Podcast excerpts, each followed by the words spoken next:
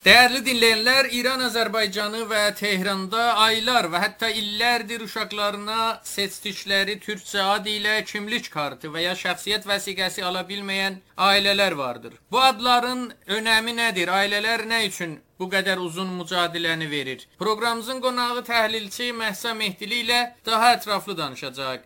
Məhsə xanım, kimlik kartı ala bilməyən bəzi ailələr səslərini sosial şəbəkələrdə eşitdirməyə çalışır son zamanlarda. Biraz bu ailələrin mücadiləsi haqqında öz fikirlərinizi deyəsiniz, oradan başlayaq. Bu mücadiləni nə üçün verirlər? Yəni misal üçün Atakan adlı bir uşağın ailəsi 3 ildən artıqdır kimlik kartı ala bilməyib, şəxsiyyət vəsiqəsi ala bilməyib, amma hələ də bunlar o seçdikləri addan vaz keçmirlər. Bəli, son günlərdə özəlliklə sosial medianın yayğın olduğundan sonra, hər kəsin kullandığından sonra biz ailələrin mücadeləsindən daha da çox xəbərimiz olur. Əlbəttə ki, türkçə adlar üstündə uzun zamandır İran hökumətinin bir həm gizli olaraq, həm açıq olaraq e, yasaq qoyduğu adlar var məhdud e, adlarla sınırlı tutmaq istədiyi türkçə adlar var və onların xaricinə getmək istəmir.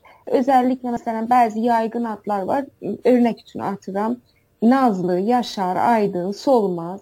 Bunlar çox yayğındır. Zaten çox da yerləşibdi. E, məhdud, sayılı adların xaricində yeni türkcə adların qoyulmasına hər zaman məhdudiyyət olubdu. Son zamanlarda özəlliklə milliyyətçilik, türkçülük, e, Azərbaycan milliyyətçiliyinin e, güclənməsi və hakim söyləm e, toplumun arasında hakim söyləm halına e, gəlməsindən sonra biz görürük ki, ailələr biraz da ruha gəliblər.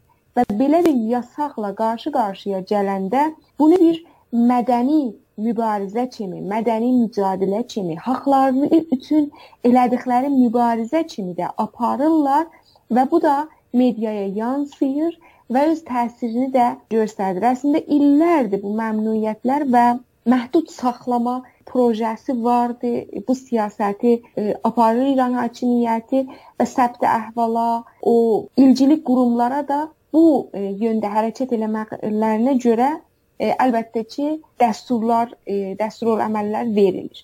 Biz son dönəm məncə bu çox da gözəldir. Bir mədəni mübarizədir, mücadilədir. Bizim öz haqlarımız üçün verdiyimiz kültürel və mədəni mübarizənin bir parçasıdır.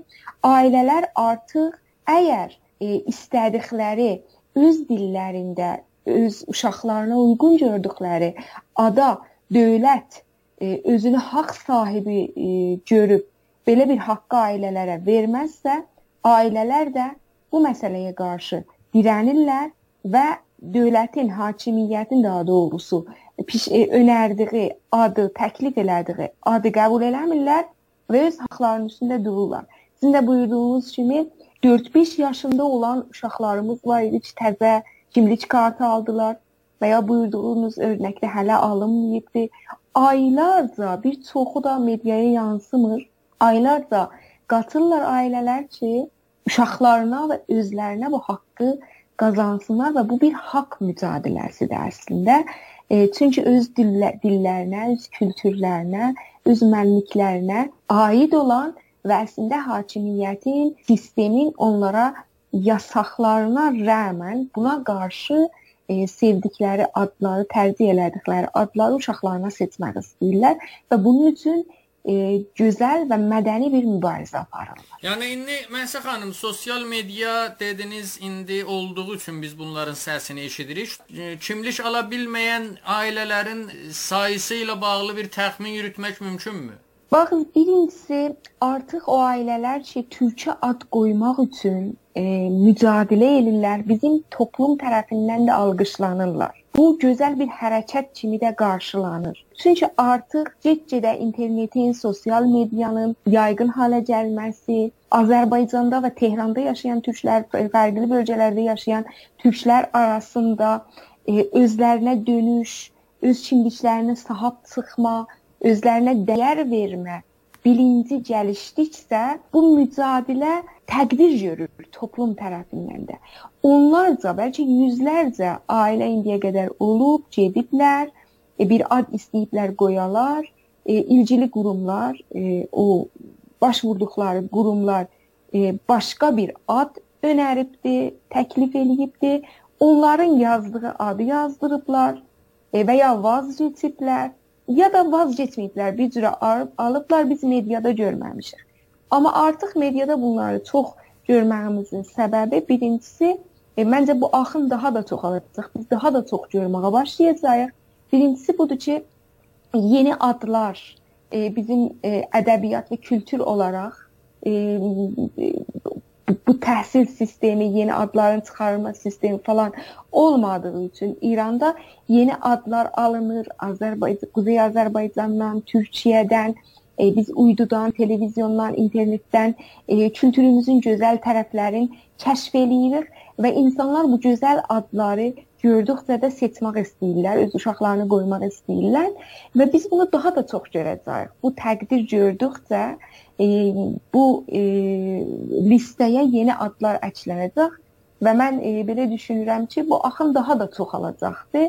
E, çünki həm bir cürə haqq bütün mücadilədir, həm də e, türkçə adlar e, həqiqətən də gözəl adlar kimi, şık, klas adlar kimi də qarşılanır toplum tərəfindən e, və ata-ana da bunun həzzini aparır ki, mən uşağıma həm öz kültürümə aid, həm də şık və klass bir ad seçmək üçün mücadilə verirəm. Biz bunu daha da çox görəcəyik. Var idi, amma e, təbii ki, bir, bir məsələnin trend olması, bir axına çevrilməsi də həm e, o iletişim aracıları, həm də o mədəni mübarizənin bir hakim bilinc, fikir e, axın halinə gəlməsi də bunda çox əhəmiylidir. Məsəl xanım, bir də ki, burada yəni şəffaf qanunlar da yoxdur. Əslində İranda başqa məsələlərdə də siyasi məhbusların məsələsində də biz görürük, qanunların şəffaf olmaması biraz elə həm vəkillərin işini çətinləşdirir. Burada da elə bir durum var. Yəni nə rəsmi bir yasaq, rəsmi bir qadağa var, nə də hər kəsin uşağına seçdiyi bir adı verməsinə icazə verilir. Bu durumu necə dəyərləndirirsiniz? Birincisi sizin də buyurduğunuz kimi şəffafiyət yoxdur. Şəffafiyət olmayanda da əslində oradan bir qaçaq yolu var. E, o qanunu yazan kimi üçün istədiyini yasaqlaya bilir. Yəni istədiyini yasaqlaya bilir. E, İranın qanunlarında e, adı seçmək üçün bəzi e, təbsirələr vardı. E, örnək üçün deyirəm, e, müstəhcən olan, incitici olan, e, və ya qutsallara, İslami qutsal, e, qutsallara e, hörmətsizlik içərən adlar qədəğəndir, yasaqdır. E, və hətta dini əqəlliyyətlər, məzhəbi əqəlliyyətlər öz kültürlərinə uyğun olaraq ad seçilmə izni də verilib, amma bunu çox görmürük. Amma bir də yolunu açıq qoyub, nə cür qoyubdu? Hər e, ustanın səbt əhval qurumu şurası eləyə bilir, hər ustanın yox, Şurayı Ali, üst qrup eləyə bilir, e, yasaq olan adları bəli eləyə. Çox ilgincdir Ərciz Ağay, bunu da buradan paylaşmaq istəyirəm. Örnək üçün Çəngiz ki öz bir türkcə addı yasaq adlar içinə yerləşdirilibdi. Yəni niyə e, bu biraz da o fars milliyyətçiliyindən irəli gələn bir şeydir. Demək ki, bizi özümüzə belə özgələşdirmək istəyirlər. Bir də bir e, sistem e, tasarlayıblar, bir də kitab hazırlayıblar və o kitab sistemdə olan, qeyd olan adlar xaricində bir adı qəbul eləmirlər. Ona da uyğun olmalıdır. O adlarda da türkcə adlar çox sınırlıdır, çox sınırlıdır və hər yeni adın orada qeyd olunması üçün hər ailə e, böyük bir mücadilə verir E, amma bunu da deyim, bunlar sizin də buyurduğunuz kimi çox keyfidir. Örnək üçün Ərdəbil ustanının, mən sərt əhvalının müdirinin danışıqlarına məsələn oxuyurdum. Özünə görə keyfi meyarlar qoya bilibdi. Məsələn, namutarəf, yəni çox uyğun olmayan, amma uyğun olmayan ona görə nədir? Yabancı dediyi ad ona görə nədir? Bəzən olur məsələn, ya onun baxışı ilə tutaq ki, örnək üçün deyirəm. Deniz yabancı bir ad sayıl sayılsa, onun o keyfi uygulamasına görə Deniz adını verməyə bilər. Amma mən belə düşünürəm ki, mərkəzdən özəlliklə türkcə adların çox yaygın hala gəlməsi, mərkəzdən belə bir bəlkə gizli də olsa bu, bunu sistemləşdirmək, e, sistemə tökmək e, istəsələr də e, biraz türkçə adların qabağında məhdudlaşdırmaq üçün bunu çox yayğın hala gətirir e, məmək üçün türkçə adları məhdud tutmaq yəni biraz, biraz ailələri yormaq istəyirlər, yəni bu mənada. Yəni şəffaf bir şəkildə açıqlamırlar, ailələri yormaq istəyirlər, ailə özü imtina etsin, özü imtina etsin. Aynen. Vaz keçirmək istəyirlər. Çünki uşağın adı olmayanda sağlıq ocağına gedə bilmir, məhdə ged, yəni kreşə, uşaq bağçasına gedə bilmir. Yəni sonuçta bir kimlik kartı yoxdur. Bir çox xidmətdən, ictimai xidmətdən dövlətin verməsi gərəkən xidmətdən yararlana bilmir. Əslində kimliksiz qalır və bir çox ailəni də bəlkə vaz da keçirə bilirlər. Amma bu mücadilə edən ailələr həm digər ailələrə yol açır, e, həm e, bu qəddar və haqsız uygulamanı üzə çıxardır, həm də bir çoxuna umud və ürək verir ki, siz də dirənsəz ala bilərsiniz və bir də bu sistemə qarşı da bir dirənişdir. Bir özünə dönüşdür. Bu da çox əhəmiylidir. Məsələn xanım, bu türkçə adlar məsələsi sadəcə uşaqlar deyil. Yəni misal bir e, biznes, bir işi var, bir mağazası var, ona da bəzən türkçə seçdiyi adı ala bilmir. Xəbərlərdə keçmişdə var, gedib orada o lövhəsini, tablasını endirirlər. Bəzi şəhərlərə, çaylara, bölgələrə verilən türkçə adı rəsmi olaraq dövlət dəyişdirir. Güney Azərbaycanda, İran Azərbaycanında türklər üçün bu adlar məsələsi bir simvolik məsələdirmi? O türk dilində təhsil tələbinin bir parçası kimi, yəni o mücadilənin bir parçası kimidirmi? Necə baxırsınız? Bu anti-Azərbaycan, anti-türk sistem ki iş başına gələndən bizim coğrafiyayı adlarımızın bir çoxunu dəyişdirməklə birlikdə e, türkcə adları da hardaysa o qədər Yəni bir iki əlin barmaqları qədər az ad, yayğın ad qalmışdı toplumumuzda. Hətta bizdə sülh hakim məhkum rabitəsi vardı. Biraz da o qə qədim kimi, klassızlıq kimi görünməyə başlamışdı bir çox türkcə ad.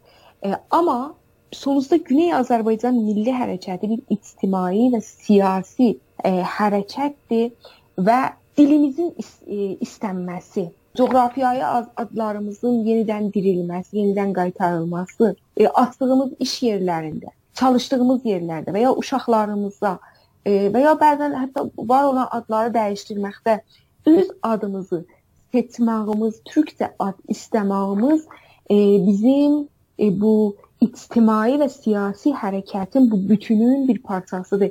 Bu bir oyanışdır e, bu bir bizi bizdən uzaqlaşdırmaq, bizi assimilə eləyən sistemə qarşı bir dirənişdir, bir mübarizədir və bunlar da bu mübarizənin parçalarıdır.